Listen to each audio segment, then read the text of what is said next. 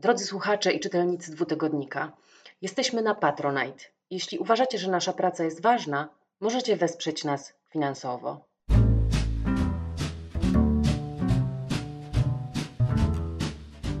Z tej strony Agnieszka Słodownik, redaktorka w magazynie kulturalnym dwutygodnik.com. Ruszyliśmy z działem ukraińskim. W odcinku rozmowa z pisarzami Sofią Andruchowicz i Andrijem Lubką i redaktorką nowego działu Wirą Baldyniuk. Podcast Delfin w Malinach. Najnowsze obyczaje. Dział ukraiński to nowa przestrzeń w naszym piśmie. W tej przestrzeni publikujemy po ukraińsku teksty ukraińskich autorek i autorów. Od początku, kiedy wybuchła wojna, e, zastanawialiśmy się, co możemy zrobić e, w tej sytuacji, jaką rolę ma e, w takim kontekście do wykonania pismo kulturalne. Postanowiliśmy stworzyć przestrzeń, w której będziemy mogli pokazać całą złożoność współczesnej kultury ukraińskiej, o której Putin mówi, że ona nie istnieje, chce ją wymazać z powierzchni świata. W tej chwili jest to pewnego rodzaju raport z kultury czasów wojny. Niezależnie od dalszych losów wojny, jedno jest pewne: społeczność ukraińska będzie rosnąć. Więc taka przestrzeń kontaktu jest szczególnie ważna dla nas i dla naszych ukraińskich sąsiadów. Dzisiaj w odcinku mamy, tak jak już mówiłam, trzy głosy. Najpierw posłuchajcie rozmowy z Sofią Andruchowicz. To jest ukraińska pisarka, tłumaczka, publicystka i od niedawna felietonistka dwutygodnika. E, Sofia połączyła się z nami z Iwano-Frankiwska i rozmawiała z nią Zofia Król. Pani najnowszy felieton opowiada o, o łuku triumfalnym. O łuku, który służy zwykle nie tylko obwieszczaniu zwycięstwa, ale też oczyszczaniu się z wojennych win bo jak pani pisze, żadna psychika nie może wytrzymać równocześnie świata, w którym własnoręcznie zadaje się śmierć i świata, w którym pokojowo wychowuje się własne dzieci przyszło mi do głowy w jakimś momencie, że ta metafora jest bardzo dobra dla oznaczenia dużo różnych rzeczy. I próbowałam pomyśleć o tym, co te rzeczy mogą oznaczać w przypadku Ukraińców i w przypadku też Rosjan. Właśnie dla mnie ta brama jest sposobem przechodzić ze stanu do stanu, od świata do świata, dlatego że psychika człowieka jest czymś, co nie może po prostu e, przyjąć w jednym, e, w jednym świecie drastycznie różne rzeczy, kiedy człowiek e, zabija, kiedy człowiek zostaje amoralnym, przestępie przez rzeczy, które są wzbronione na co dzień, które są nawet niemożliwe do wyobrażenia i e, w tym samym czasie jest po prostu niemożliwe żyć i e, egzystować takim normalnym życiem. Dlaczego teraz, w trakcie tej wojny, jest niemożliwe przechodzić z jednego stanu do drugiego? Myślę, że też możliwe to jest, bo inaczej, inaczej by człowiek nie mógł istnieć, ale e, w razie Rosjan próbowałam, e, chociaż to jest, to jest zbyt okropnie wyobrażać, e, co się dzieje w głowach Rosjan i nie za bardzo chcę to robić. Raczej, raczej jestem zwrócona do tego, co się dzieje w środku nas, bo też identyfikować siebie z kimś, kto jest zabójcą i kto przeszedł, przyszedł do nas, do kraju i zabija i robi te wszystkie zbrodni, to nie jest zbyt normalna sprawa, tak? Ale, ale zawsze człowiek chce zrozumieć wszystko i chociażby coś zrozumieć. Dlatego próbowałam zestawić to, co, co przychodzi ze strony z, od Rosjan, co przychodzi, jaka informacja przychodzi o e, życiu codziennym i o reakcjach Rosjan, współczesnych Rosjan zwykłych na, na tą wojnę. I e, wydaje mi się, że dlaczegoś te współczesne społeczeństwo Rosjan, rosyjskie, jest bardzo chętne do tej wojny i dlaczegoś między tymi światami i między tymi stanami, wojną i zwykłym życiem nie ma zbyt dużej różnicy. E, pisze Pani, w przypadku Rosjan zdaje się, że łuk triumfalny nie działa, może inaczej, nie jest nikomu potrzebny. Tym razem nie będzie zapomnienia, bo Ukraina już zbyt wiele razy zapominała. My jakiś czas temu publikowaliśmy też taki esej jednej z naszych autorek, Ludwiki Włodek, reporterki, która pisała, że, woj- że ta wojna to jest taki ostateczny kres poradzieckiej iluzji. Że wszystkie kraje poradzieckie uświadomiły sobie, że nie da się za, z jednej strony zachować niepodległości, a z drugiej żyć w dobrych stosunkach z Rosją. Czy, czy to jest taki ostateczny rozpad iluzji? Bardzo się na to spodziewam. Też tak myślę i też y, wiem, że dużo ludzi dzisiaj tak myśli i że ten proces, ta wojna będzie krytycznym, takim może decydującym procesem, który y, zwolni Ukraińców od, y, od tego ciężara, od właśnie jakichś ostatnich iluzji i ostatnich związków własnej identyczności z, z czasami radzieckimi, dlatego że e, na tyle bolesny proces pokazuje i pomaga odkryć uświadomienie tego, że to wszystko przychodzi e, z, z ciężara radzieckich czasów i z, no. z historii, w której jesteśmy już e, tyle czasu. Kilka dni temu mieliśmy takie spotkanie redakcyjne też z Wirą Baldyniuk. Wspólnie się zastanawialiśmy, jaka jest rola magazynu kulturalnego w czasie wojny i też myśleliśmy o nowych e, możliwych tematach tekstów.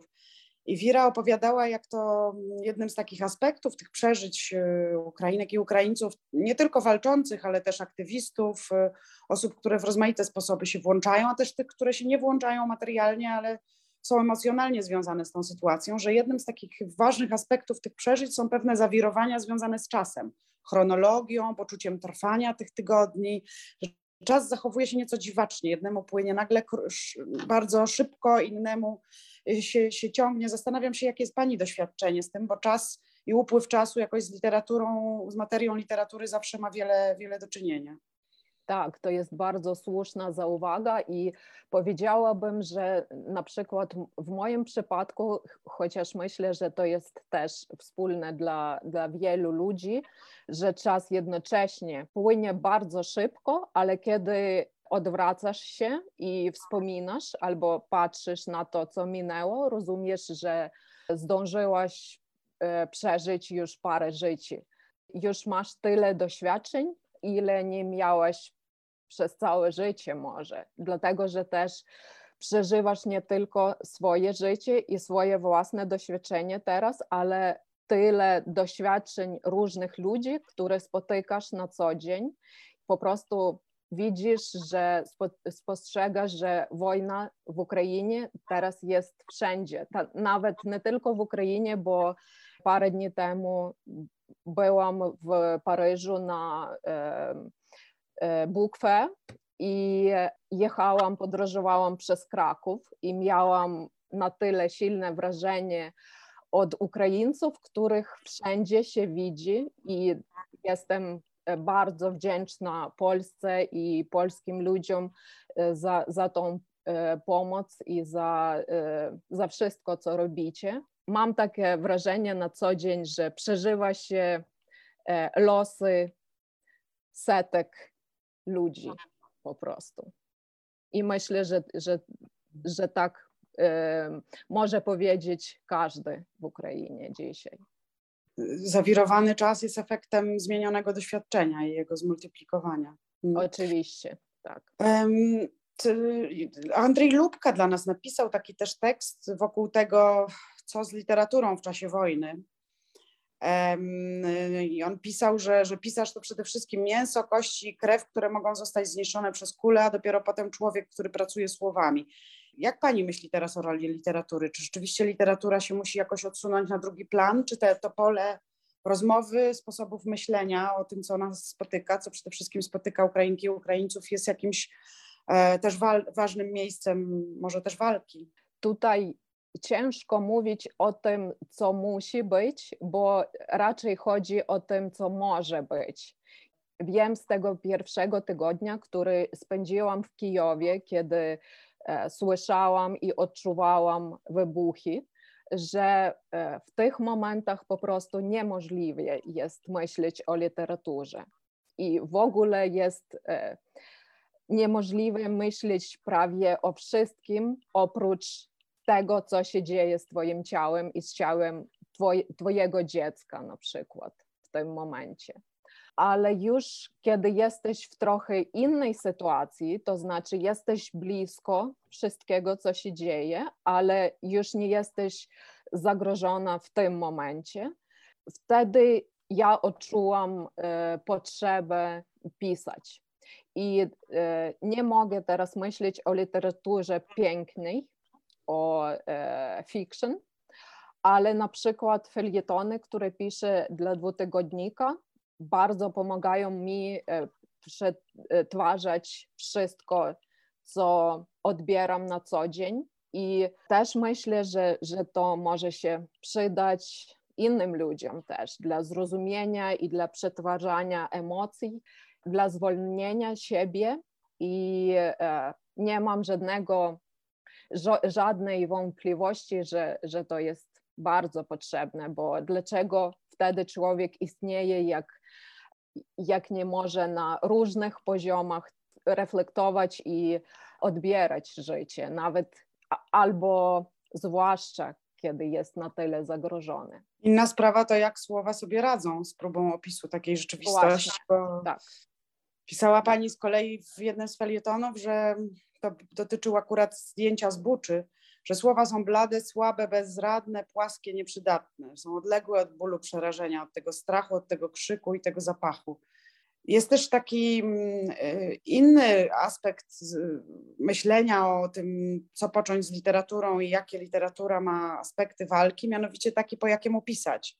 Wołodymir Rafiejenko napisał y, nam tekst, bardzo mocny głos o tym, jak to jako człowiek urodzony w języku rosyjskim, wychowany w języku rosyjskim, nigdy nie będzie już mógł po rosyjsku napisać książki. I, i zastanawiam się nad tymi rozważania na temat języka, nad, nad tym, po jakiemu pisać, nad tym, czy język przystaje do rzeczywistości, toczymy właściwie zawsze w życiach literackich, ale teraz jakoś one nabierają innych znaczeń. I jeszcze chciałam dopytać o, o tą literaturę w rozumieniu właśnie bardziej językowym, to znaczy jak, jak pani myśli o, tym, o tych słowach i o tym, że są to słowa ukraińskie? Tak, to było bardzo silne odczucie i ciągle go mam. E, tyle, że może przyjęłam to odczucie, ale od początku miałam do tego taki e, okropny, ostry dystans, właśnie e, odczucie słabości języka i słabości słów, uświadomienia, że, że nie istnieje żadnych słów, które mogą przekazać i przekazać to, co się dzieje, tak? ale w pewnym momencie po prostu powiedziałam sobie, że tutaj trzeba, że tu trzeba jakoś zmniejszyć siebie i zmniejszyć tą ostrość. I po prostu wiedząc, że żadne słowa, słowa tutaj nie, nie, nie będą mm, odpowiadać, po prostu pisać, bo to jest coś jedyne, co ja mogę robić chociaż wiem, że te teksty zostają gdzieś na powierzchni, ale e, ciągle odczuwam, że, że jakaś praca, jakaś robota się robi. I e, dla mnie język ukraiński zawsze był pierwszy i e, dlatego też właśnie teraz to jest czymś najbardziej naturalnym, kiedy piszę w tym języku. Inna rzecz, że w jakim języku E, pisarz nie pisałby, ale kiedy po raz pierwszy przeżywa coś takiego jak wojna i kiedy e, spotyka się na co dzień z ludźmi, które stracili domy, które e, nie mają kontaktu z bliskimi, to musisz ten język wynaleźć od nowa.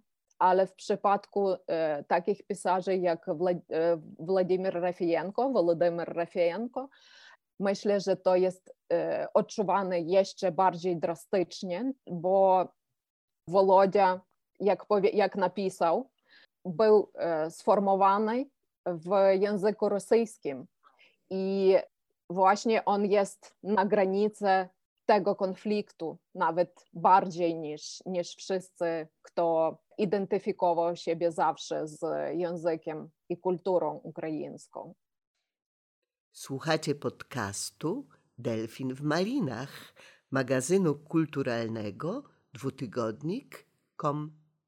To jest bardzo ciekawe, co Sofia Andruchowicz powiedziała na temat mm, tej potrzeby znalezienia mm, nowych słów, jednocześnie o takim obniżeniu oczekiwań wobec języka.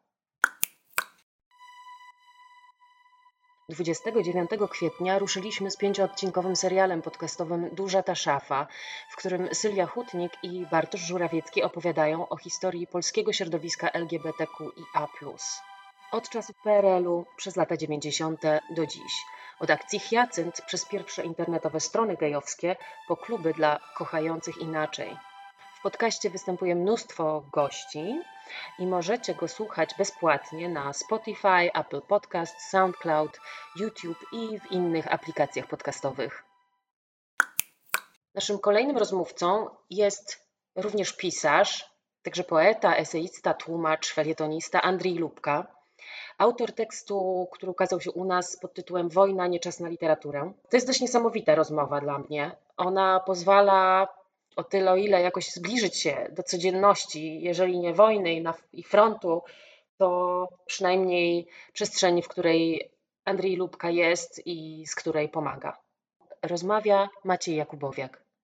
Niedawno pisałeś, że w tych dniach miałeś być chyba w Krakowie na rezydencji literackiej. No nie tylko w tych dniach, a miałem e, ogromne plany na cały ten rok. W grudniu dowiedziałem się, że wygrałem stypendium ministra kultury Polski, e, który się nazywa Gaudy Polonie żeby pisać powieść o takim człowieku, który się nazywał Michał Czajkowski.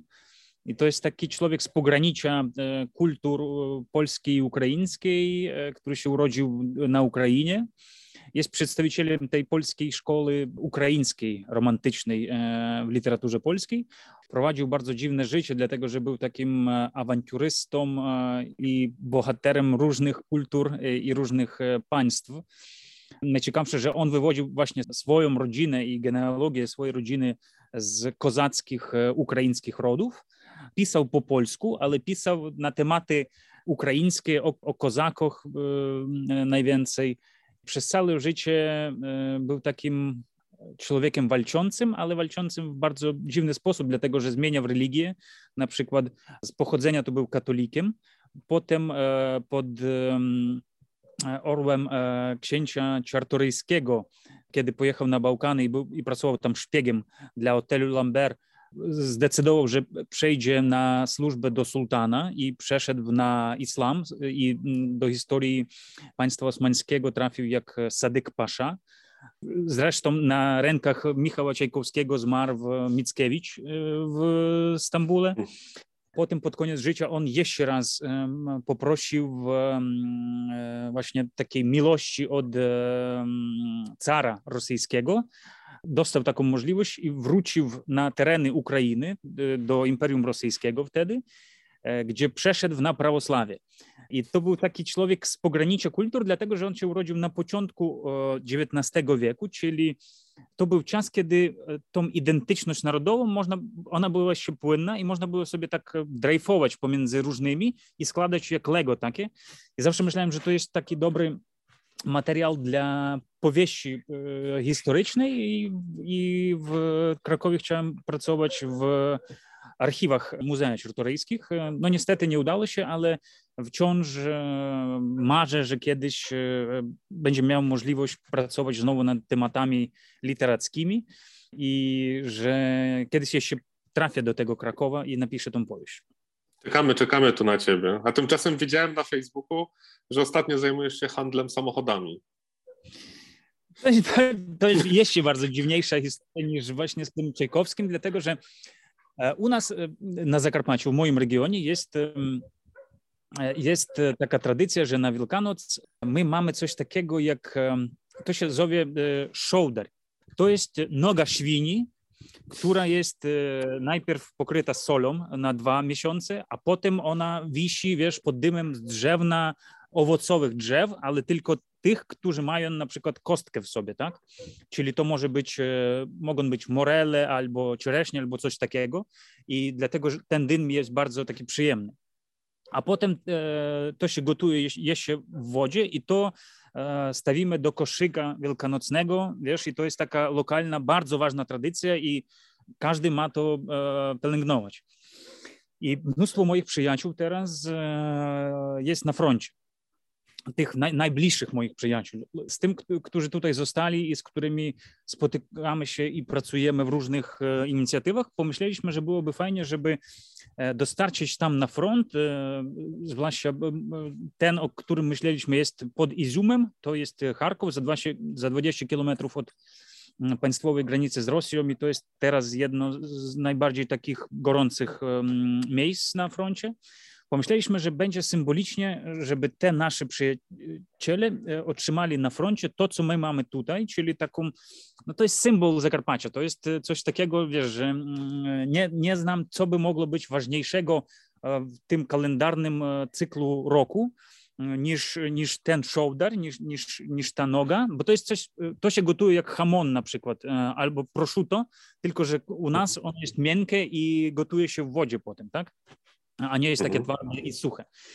I, I to jest taka nasza tradycja i było bardzo ważne to dostarczyć. I umówiliśmy się, że mm, zrzucimy się pieniędzmi i kupimy tego tam 100 kg, dlatego żeby na całą rotę, trzy wzwody, to 90 ludzi, oni otrzymali to e, i z Zakarpacia. I powstało pytanie, ok, a jak to dostarczyć, wiesz? Mm, jak to ma tam dojechać i kto by tam mhm. pojechał, to zrobił? Wiesz, i jeżeli jeszcze można znaleźć, jak tam dojechać, to kto by właśnie prowadził samochód, to powstało drugie pytanie, a co z mm, samochodami, wiesz, że, kto by dał samochód? I wtedy zrozumieliśmy, że musimy że musimy po prostu kupić taki samochód, e, bo te jednostki, którzy teraz trafili na front, z tych moich przyjaciół, którzy są e, menedżerami, inteligentami i tak dalej, i tak dalej, to są jednostki mm, dodatkowe. To, to się nazywa e, obrona terytorialna, czyli to są te ochotnicy, którzy wstąpili tutaj do, do oddziałów, nie tylko tutaj, ale po cał, na, na całej Ukrainie. Mhm. I, I teraz oni są oni są odkomandyrowani na, na front, e, ale mm, oni nie są profesjonalami sprawy wojskowej. I ponieważ przed wojną e, liczba mm, e, sił zbrojnych ukraińskich stanowiła 150 tysięcy, a teraz jest więcej niż 300 tysięcy, to jest naturalnie, że na przykład, że mnóstwo tych nowych oddziałów nowo sformowanych nie ma nie podstawowych rzeczy, bo formę, jakieś hełmy, te kuloodporne rzeczy, amunicję oni mają, ale na przykład oni nie mają dobrych, mm, dobrych takich wozów wojskowych. Mieli tylko ciężarówkę, która jest bardzo powolna i to jest taki stary Ural, ona jest potężna, ale bardzo powolna. A to hmm. jest jednak wojna taka bardzo manewrowa, potrzeba szybko się przemieszczać i zwłaszcza dla takich e, małych i e, lekkich oddziałów, którzy nie mają cięż, ciężkiej artylerii i tak dalej. I pomyśleliśmy, że musimy im kupić po prostu jeepa. Chcieliśmy kupić taki e, 4 na 4 Mitsubishi Pajero, ale potem trafiliśmy na, na, na możliwość kupienia droższego, ale pick-upa, który ma zadu taki otwarty bagażnik. To jest e, pick-up, e, nie bardzo się rozumie na samochodach, e, to jest Nawara taka, bardzo dobra. Na przykład ona jeszcze do wojny tutaj była wykorzystywana w leśnictwach różnych, tak, i, i ona jest tak bardzo dobra do różnych ciężkich zadań. I koszt tego był ponad 9 tysięcy euro i umieściłem na Facebooku taki, wiesz, taką prośbę, że zrzucamy się na taki samochód, który pojedzie po prostu do, na linię frontu i tam mm, będzie pomagał naszym ludziom. Nie mówiąc o mm, o, wiesz, o jakichś konkretach, nazwiskach czy nazwie tego oddziału i tak dalej, dlatego że to nie ma żadnego sensu, bo teraz, kiedy mówisz nasi, nasi chłopcy, czyli nasi faceci, nasi, to, to jasne, że, że to są nasi, tak? I nie ma, nie ma podziału tutaj na, na różne grupy. I z, ze zdumieniem, kiedy rano się obudziłem, to już na karcie, na koncie już miałem tą, tą kwotę, którą, e, którą trzeba było kupić. Co więcej, miałem jeszcze tych środków więcej i teraz zamówiliśmy już drugi samochód. Mhm. Okej, okay, czyli jesteś kolejnym ukraińskim pisarzem, który zajmuje się dozbrajaniem ukraińskiej armii. Nie do końca, to mówię, że to wyszło przypadkowo. I na przykład ja to więcej się zajmuję e, zaopatrzeniem lekami i, takim, e, i takimi e, pomocą cywilną, czyli my pracujemy mm, tutaj z jedną organizacją na Zakarpaciu, która się nazywa Komitet Medycznej Dopomogi z Zakarpacia i oni, oni pracują właśnie z frankojęzycznymi krajami, państwami, a moja rola jest taka, że ja pracuję z mm, e, różnymi takimi ośrodkami wolontariuszy na wschodzie, zwłaszcza w Charkowie. Oni zbierają informacje od miejscowych szpitali, gdzie nie tylko, że jest teraz więcej e, rannych e, ludzi, ale i gdzie na wschodzie, na przykład w okolicach Charkowa, jest problem też z zaopatrzeniem logistycznym, dlatego że trudno tam coś zawieźć, e, coś nie pracuje, apteki nie pracują, e, te hurtownie wielkie, z których dostawano to wszystko, też nie pracują, a operacji chirurgicznych i różnych bardzo takich bardzo ważnych, który, które nie można, wiesz, odłożyć w czasie i przewieźć tego chorego za 200 kilometrów, są są codziennie, więc E, ja od nich zbieram te ich potrzeby i tutaj przelodowuję na, na naszą organizację i w taki sposób korespondujemy i potem pociągami, którzy wyjeżdżają z mm, e, Charkowa, wywożą ludzi e, do Użgorodu, czy z Odesy, czy z Kramatorska, dlatego że to jest najdłuższa ukraińska linia mm, kolejowa, Użgorod, Lysyczańsk, Użgorod, Kramatorsk, Charków, Odessa, to jest właśnie przez cały kraj. I stąd przyjeżdżają ludzie mm, ewakuowani, a, do, e, a wracają pociągi całkowicie puste. Może tam parę ludzi, którzy wracają do Kijowa, bo teraz jest już nowa fala tych, kto powraca do domu. I dlatego, że oni są puste, to my ładujemy mm, te swoje boksy, ciężary i tak dalej po prostu w takie pasażerskie mm, wagony na, na miejsca siedzialne. I kiedy na przykład ja potem wysyłam komuś do Charkowa czy do Poltawy e, w telegramie zdjęcie i kontakty przewodnika, który tam jest w tym wagonie, wiesz, to, to pisze nawet miejsca, że twoje paki są, wiesz, na miejscu 72 i ty sobie zabierasz na, na, na dworcu. I to pracuje tak. A są in, inne wolontariusze, którzy pracują na przykład tylko z samochodami, dlatego że to cały czas ty musisz siedzieć w komputerze, musisz mieć kogoś, kto jest w innych krajach, na przykład dlatego że z Polski, Czech, Węgier i tak dalej, z pobliskich krajów praktycznie wszystko, co, co było możliwe z tych typów transportu, które potrzebujemy, już wywieziono. Tak? I potrzeba tego szukać, trzeba znaleźć człowieka, który by tam mógł to kupić, usiadł za kierownicę i przejechał przez całą Europę, dostarczył to tutaj, a my na granicy już spotykamy. Więc to jest inna, inna, inna praca i która się bardziej, wiąże z wiedzą techniczną, którą ja nie posiadam. Ja prowadzę samochód, ale patrzę na niego jak na hieroglik jakieś, wiesz. I mhm. dlatego oni się zajmują tym, ja tym, ale tutaj tak właśnie spółpalo, nie ma, nie ma jakiegoś e, podziału, więc kiedy widzisz przed sobą jakąś, jakiś task, tak, czyli e, jakiś cel i trzeba to szybko zrobić, to robisz, bo nie ma na kogo, wiesz, nie ma kogoś innego, kto by się tym zajął. Mieszkasz w Uszcharodzie, tam jest bezpiecznie?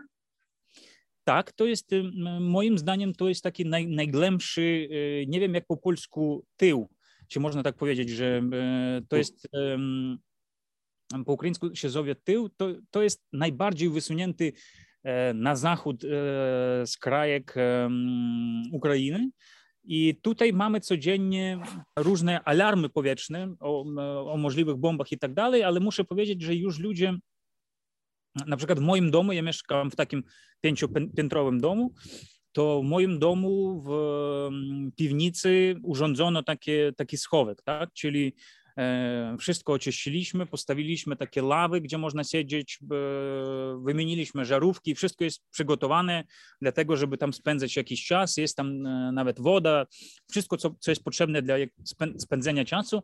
Nawet jeden człowiek e, poprowadził dotąd, wiesz, taki Wi-Fi router, więc jeżeli co, to mamy tam nawet internet.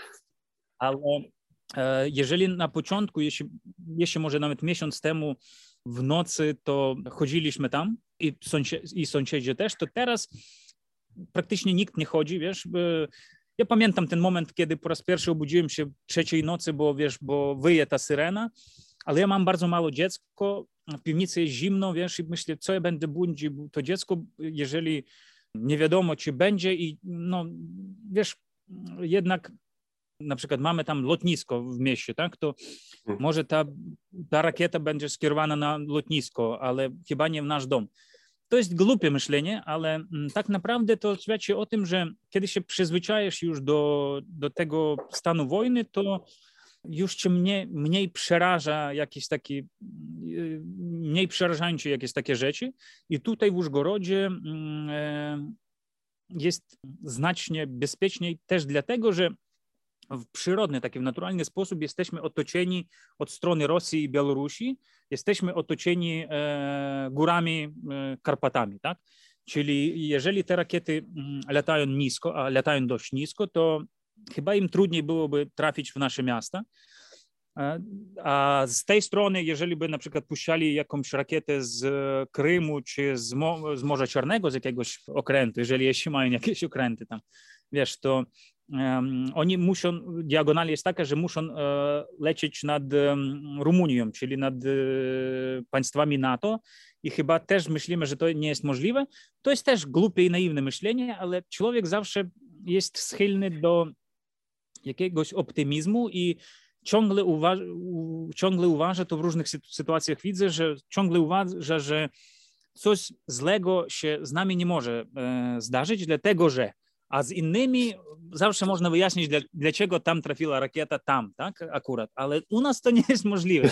To jest ale tak jest do tej pory, chociaż moim zdaniem, takim prywatnym, mam nadzieję, że ten podcast nie będą słuchali Ukraińcy, moim zdaniem w jakiś moment jednak e, e, jakieś te udary, bomby i rakiety też trafią i na Zakarpacie, dlatego że ono ma znaczenie symboliczne, żeby pokazać, że nasza ręka się dociągnie i tutaj. Tak? Ja uważam, że to jest prawdziwe niebezpieczeństwo, ale jednak, ale jednak nie spuszczam się do piwnicy w czasie syreny. Słuchacie podcastu Delfin w Malinach, magazynu kulturalnego dwutygodnik.com a nie jesteś trochę przerażony tym, że nagle orientujesz się w tym, jak wysoko latają rosyjskie rakiety i jak dobrze pod względem militarnym jest usytuowany już Chorod? E, no chyba nie, dlatego że, że to jest taka wiedza powszechna e, i, i, i, trudno to nazwać wiedzą. To są jakieś stereotypy, stereotypy które, które się rozpowszechniają więcej już, wiesz, po e, w jakichś Facebookach i tak dalej. To, co my nazywamy wojsko łóżkowe, tak? czyli te, którzy na swoich e, jakichś e, krzesłach siedzą i, i prowadzą front, e, front facebookowy. Są tak. bardziej, bo ja też na przykład ja mam dużo różnych pomysłów o tym, jak ma się rozwijać wojna i co trzeba robić i gdzie atakować i tak dalej. Jednak nie piszę tego, wiesz, bo, mm, bo uważam, że jedna rzecz być na froncie na przykład, tak? E, każdy chce teraz i modli się, kto jest wierzący, a kto, a kto nie jest, to wiesz, to trzyma kciuki po prostu za Mariupol i każdy w Ukrainie chciałby, żeby się e, rozpoczęła kontrofensywa ze zwolnienia Mariupola i chociażby probito jakiś korytarz, żeby tych ludzi poratować i wypuścić stąd, ale wiesz, sytuacja na miejscu e, jest kompletnie inna i jakie ofiary musieliby być e, z tej strony i co myśli żołnierz, który siedzi tam po prostu e, w tych okopach, e, to jest cał, całkiem inna sytuacja. Dlatego wciąż z siebie, wiesz, takie lapy po prostu za ręce i przykuszam sobie języka, jak mówimy po ukraińsku, że żeby nie, nie wlazić w te sfery, w których się mm, nie, nie mam, o których nie mam pojęcia, wiesz, i żeby nie, i żeby nie po prostu nie plodzić takiego głupiego kontentu, wiesz. Staram się jednak, jeżeli mam możliwość robienia czegoś bardziej e, konkretnego, namacalnego, wiesz, to uważam, że to jest lepiej niż jakaś e, teoretyczna, e, teoretyczne rozmyślenia o, o sukcesach czy o mm, stylach prowadzenia wojny i tak dalej. Bardzo to szanuję. Szczególnie, że takich specjalistów od prowadzenia wojen nagle w internecie pojawiło się mnóstwo. Ale jest też, jest też tak, że Ukraina prowadzi tę wojnę też w internecie. Nie? E, jestem pod wielkim wrażeniem tego, jak Ministerstwo Cyfryzacji dba nie tylko o taką infrastrukturę techniczną, ale też o to, żeby na przykład mediom na całym świecie zapewniać łatwy dostęp do materiałów na temat tego, co się dzieje w Ukrainie, e, żeby, żeby to nie było mm, w żaden sposób utrudnione, no i żeby się działo oczywiście po, po myśli rządu ukraińskiego. Ale zastanawiam się, czy mm, ty też nie odgrywasz takiej roli mm, i, i, czy nie jesteś jakoś właśnie na tym froncie, na tym froncie e, facebookowym szalenie ważnym, bo twoje posty z ostatnich, e, z ostatnich tygodni opowiadają nie tylko o tej praktycznej pomocy, ale też o tym, mm, jaka jest właściwie stawka tej wojny.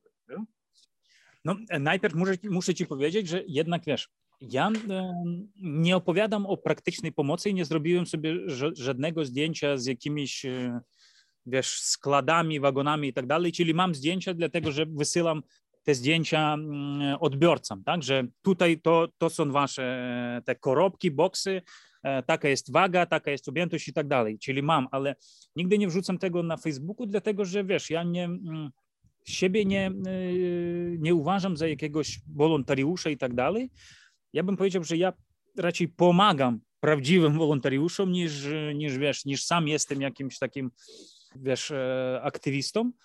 Mm, z drugiej strony, dla mnie bardzo ważne jednak, i to jest taka moja podstawowa, wiesz, chęć, dla mnie jest bardzo ważne, że mm, ja chciałbym jednak zostać, mm, zostać pisarzem, wiesz, i żeby y, mnie traktowano jak pisarza, a nie w żaden inny sposób, na przykład jakiegoś działacza obywatelskiego i tak dalej. Dlatego, że teraz jest takie poszuk poszukiwanie ze strony społeczeństwa ukraińskiego na jakieś nowe oblicze, nowych ludzi, którym by można zaufać, które po wojnie by włączyli się, wiesz, do odbudowy kraju i tak dalej. Ja do wszystkiego jestem gotów, tylko ja nie, nie chcę iść do władz na przykład, nie chcę być deputowanym, radnym i tak dalej, Czyli ja chciałbym jednak zatrzymać dla siebie tą pozycję pisarza.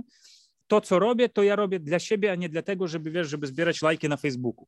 Z samochodem to trochę inna sytuacja była, bo dostałem te pieniądze od ludzi i musiałem, wiesz, zrobić taki, y, pokazać, że to są, tu są wasze pieniądze i to jest ważne.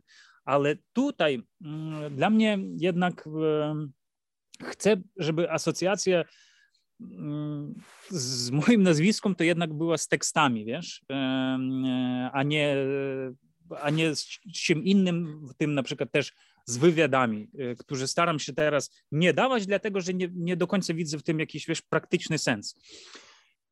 Ten wolontariat, który się odbywa, on jest masowy, wiesz, ja nie znam w swoim środowisku żadnego człowieka, który by w ten lub inny sposób nie pomagał armii lub e, uchodźcom i tak dalej. Czyli e, ludzie, e, jeżeli na przykład mają pracę, to te ludzie wspierają po prostu pieniędzmi. Kto ma, kto ma skromniejsze statki, możliwości, ale ma wolny czas, to na przykład w sobotę w sobotę idzie e, gdzieś e, na dworzec lub na kuchnię taką do jadalni, gdzie, gdzie jedzą te, te uchodźcy, którzy tutaj są w Użgorodzie, wiesz, i obiera kartofle i tak dalej. Więc mm, moja żona, która jest nauczycielką angielskiego, wiesz, prowadzi speaking cluby, te pieniądze, które otrzymuje, e, wysyła na, na, na mm, siły zbrojne i tak dalej. Czyli tak, to jest bardzo skromna kwota, może nawet dla kogoś byłoby śmieszna, akurat jeżeli by to przeliczyć na przykład jakieś euro czy coś takiego, ale chodzi tutaj o mm, też o taki y, autoterapię, czyli wzrasta poczucie winy, dlatego że mm, mój, jeden z moich najlepszych, takich najlepszych kumpli w ogóle, wiesz, jest teraz na froncie, a jest tak samo nie, niepodgotowany do frontu jak ja. No, przeszedł jednomiesięczny, wiesz, jakąś naukę bardzo szybką I teraz, kiedy ja widzę jego mm, żonę i widzę jego małą córkę, wiesz, no to bardzo ciężko mi po prostu patrzeć im w oczy, wiesz, bo, bo jest pytanie takie, dlaczego mój, mój tata tam, a ty jesteś tutaj, wiesz, i to poczucie każdy ma w sobie, czyli dlaczego my żyjemy w takim e, miejscu, gdzie jeszcze nie było bomb i wiesz, i, ca- i mamy całe okna, i możemy spać w łóżku, a ktoś śpi w śpiworze gdzieś e, w jakiejś hali sportowej i tak dalej. I dlatego, żeby w jakiś sposób e, nie tylko komuś pomóc, ale powiem szczerze, żeby pomóc i siebie, wiesz, to psychologicznie prze, przezwyciężyć, to starasz się mogę jak, jak najwięcej czegoś robić, bo, bo taka praca, taka, taka podmoga daje ci możliwość, wiesz, e, mieć jakieś e, no, bardziej czyste sumienie. Mhm. Napisałeś dla nas esej y, Wojna nie czas na literaturę, ale nie do końca jest tak jak w tym tytule. Y, piszesz, bo wspominasz też o osobach, które, które zajmują się E, pracą literacką w tym czasie. A czy ty w ogóle znajdujesz chwilę choćby na to, żeby pomyśleć o swojej powieści? Nie znajduję takiej chwili, e, ale mam powiedzieć, że na przykład co się zmieniło, e, co dla mnie jest ważne, że na przykład odzyskałem możliwość czytania.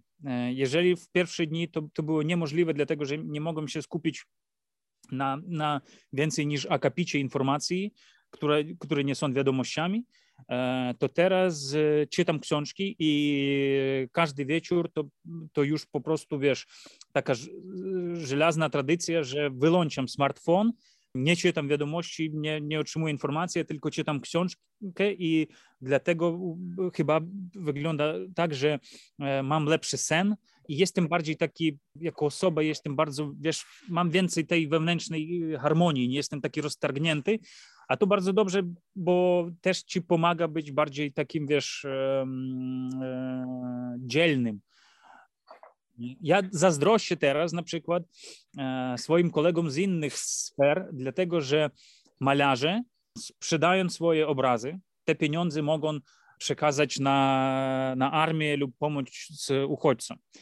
I kupiłem sobie taki obraz na przykład. E, ja zazdroszczę na przykład też muzykantom, bo oni e, teraz bardzo dużo było nawet w Użgorodzie różnych koncertów takich, wiesz, na otwartym powietrzu, gdzieś na, na placu, w centrum i tak dalej, ale też w różnych e, chramach, w różnych e, kościołach, koncertów symfonicznych, e, jakieś chory śpiewali i tak dalej. Nawet jutro będzie jeszcze jeden przedwielkanocny koncert, bo w niedzielę mamy Wielkanoc.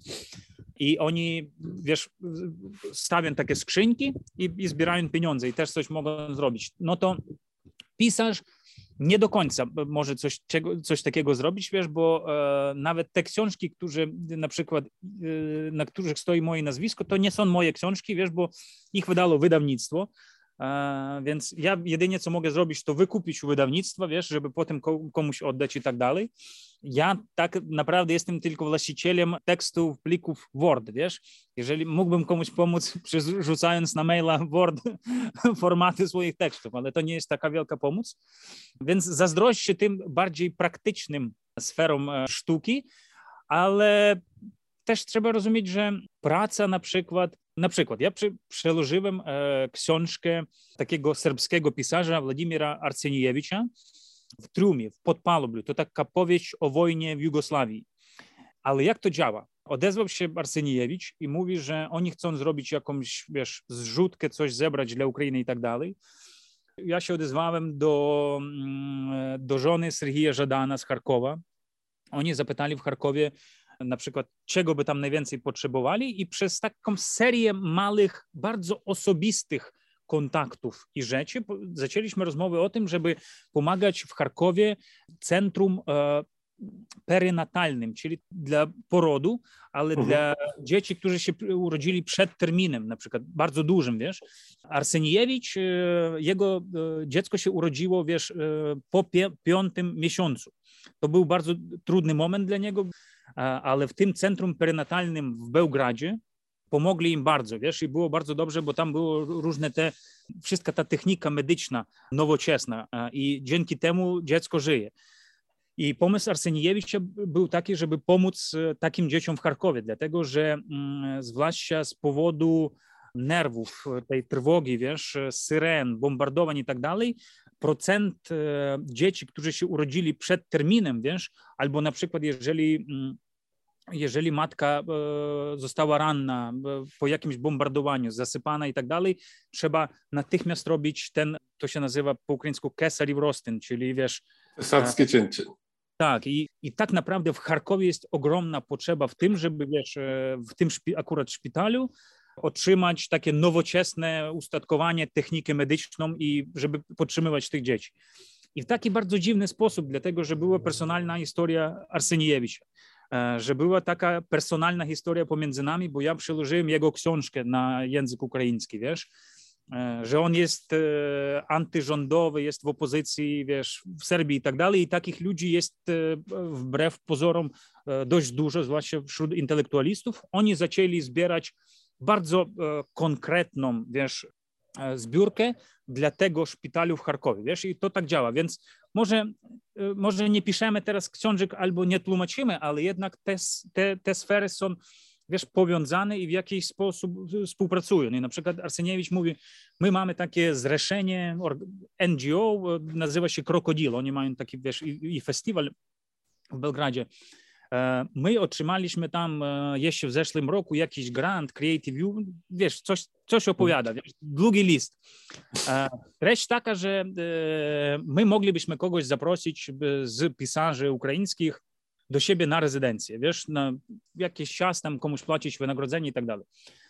Ja mówię, ok, ale większość pisarzy, którzy mogli wyjechać, już wyjechali, wiesz, zwłaszcza to są kobiety, wiesz, dlatego, że mężczyźni nie wyjeżdżają, mają i zakaz i, mhm. i byłoby jakoś, wiesz, nie myślę, żeby ktoś bardzo, bardzo chciał teraz wyjechać, jeżeli by była taka możliwość, bo to jest, wiesz, jednak coś w rodzaju kapitulacji, wiesz, i, i mówię, ok, ale teraz jest bardzo duże podmogi dla, dla pisarzy, to jest super, ale na przykład nie ma podmogi dla tłumaczy, takiej, wiesz, takiej szerokiej mhm. i w ogóle nie ma podmogi dla krytyków literackich, i, a jeszcze mniej jest dla menedżerów kultury, wiesz, ludzi, którzy organizowali festiwali, byli kuratorami i tak dalej, i tak dalej.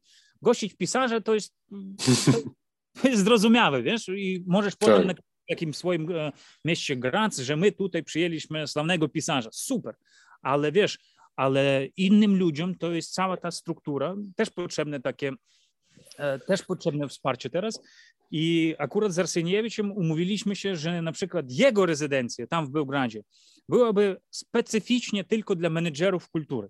No, w tej sytuacji dla menedżerek, wiesz, dlatego, że jest, jest ich dużo. To są ta sfera w Ukrainie, która otrzymuje mało pieniędzy i to są ludzie, którzy nie mają, wiesz, takich tych e, jakichś oszczędności na czarny dzień, jak to się mówi, wiesz. Oni są naprawdę teraz w ogóle bez możliwości otrzymania żadnego dochodu i tak dalej. Sytuację mają krytyczną i nikt nie spieszy się im pomagać, wiesz? I wymyśliliśmy z nim, że to będzie specyficznie tylko dla takich ludzi, wiesz? Więc to w jaki sposób literatura działa, ale mm, żeby ktoś siedział i pisał książkę, no to ja przynajmniej nie słyszałem. Okej. Okay. I do tego przydają się przekłady literackie. Bardzo Ci dziękuję.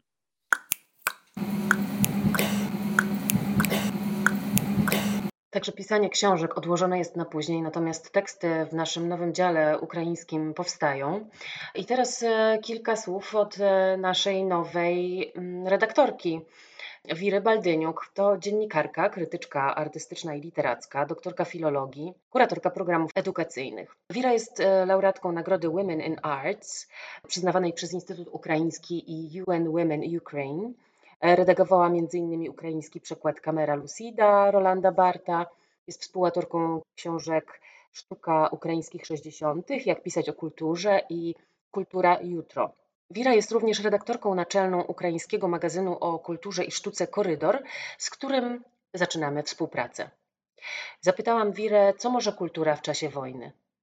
Myślę o tym codziennie, bo y, to jest związane to i z rzeczywistością tych autorów i autorek, e, którzy stracili dom i nie mają dokąd wrócić i no w ogóle nie ma przyszłości przed nimi. Nie ma uczucia, że ktoś ich czeka w domu.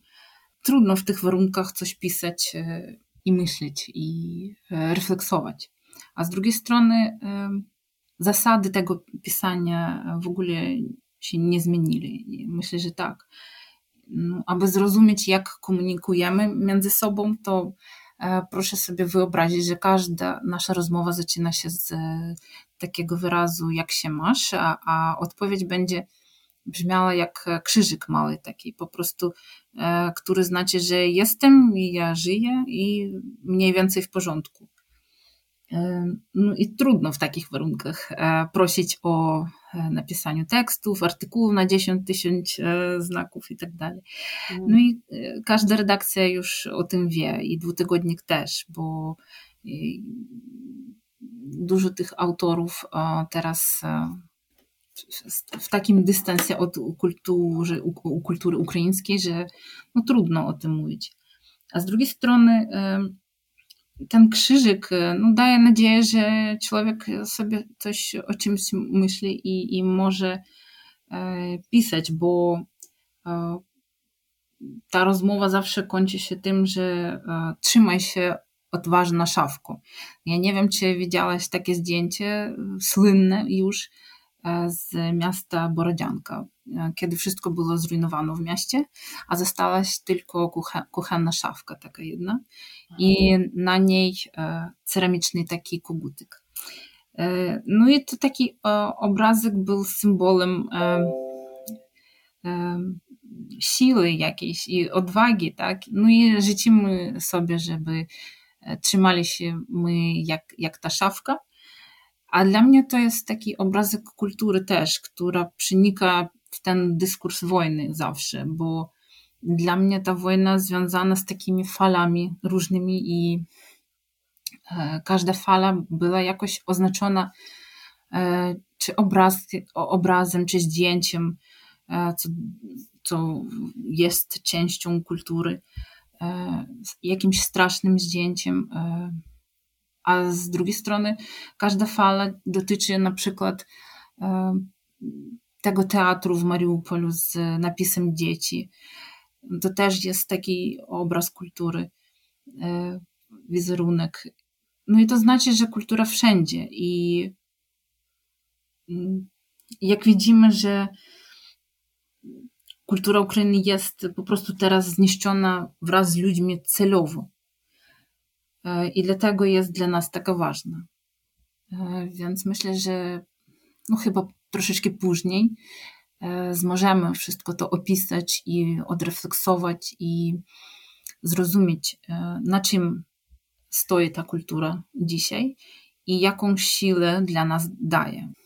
Zapytałam też Wira o współczesną sztukę ukraińską i jej reakcję na wojnę. E, no ja myślę o Władzie Rauko, która robi tak, taką serię obrazów okropnych z z przemocą. Każde zdjęcie z wojny, które oglądaliśmy, tak, e, no nie ma do porównania z tymi mm, działami władzy. I ja myślę, że to będzie jedna z najsłynniejszych takich e, E, przykładów tego, jak, jak e, artystka może myśleć wówczas, po, podczas wojny. Kateryna Lysowenko, ona też pracuje w takim stylu grafiki i pokazuje przemoc ze strony rosyjskich żołnierzy. I to wygląda bardzo mocno, daje tak, taką narrację. Za tym obrazem od razu widać całą historię e, w tych małych miastach e, wokół Kijowa, e, Mariupola i tak dalej. No, myślę, że wkrótce będziemy czytać takie teksty w dwutygodniku, bo to jest moje zadanie jako redaktorki, żeby znaleźć i wyjaśnić autorom, jak można napisać o tym wszystkim. A dlatego najpierw muszę sama jakoś o tym mm, i pogadać, i pomyśleć z kolegami, koleżankami i z Ukrainy, i z Polski, e, żeby znaleźć te odpowiednie takie klucze do tych obrazów. I takie jedne z tych zadań będzie odnalezienie tych słów i zdań. Linki do wszystkich tekstów, o których była dziś mowa, znajdziecie w opisie odcinka. Do usłyszenia. Słuchaliście podcastu Delfin w Malinach, magazynu kulturalnego dwutygodnik.com. Scenariusz i realizacja Agnieszka Słodownik, Zofia Król, Maciej Jakubowiak. Lektorka Maria Maj. Muzyka Kevin MacLeod. Redakcja dwutygodnika to Zofia Król, Maciej Jakubowiak, Wira Baldyniuk, Piotr Kowalczyk, Anna Pajęcka, Agnieszka Słodownik, Jakub Socha i Paulina Wrocławska. Wydawca Dom Spotkań z Historią. Maj 2022.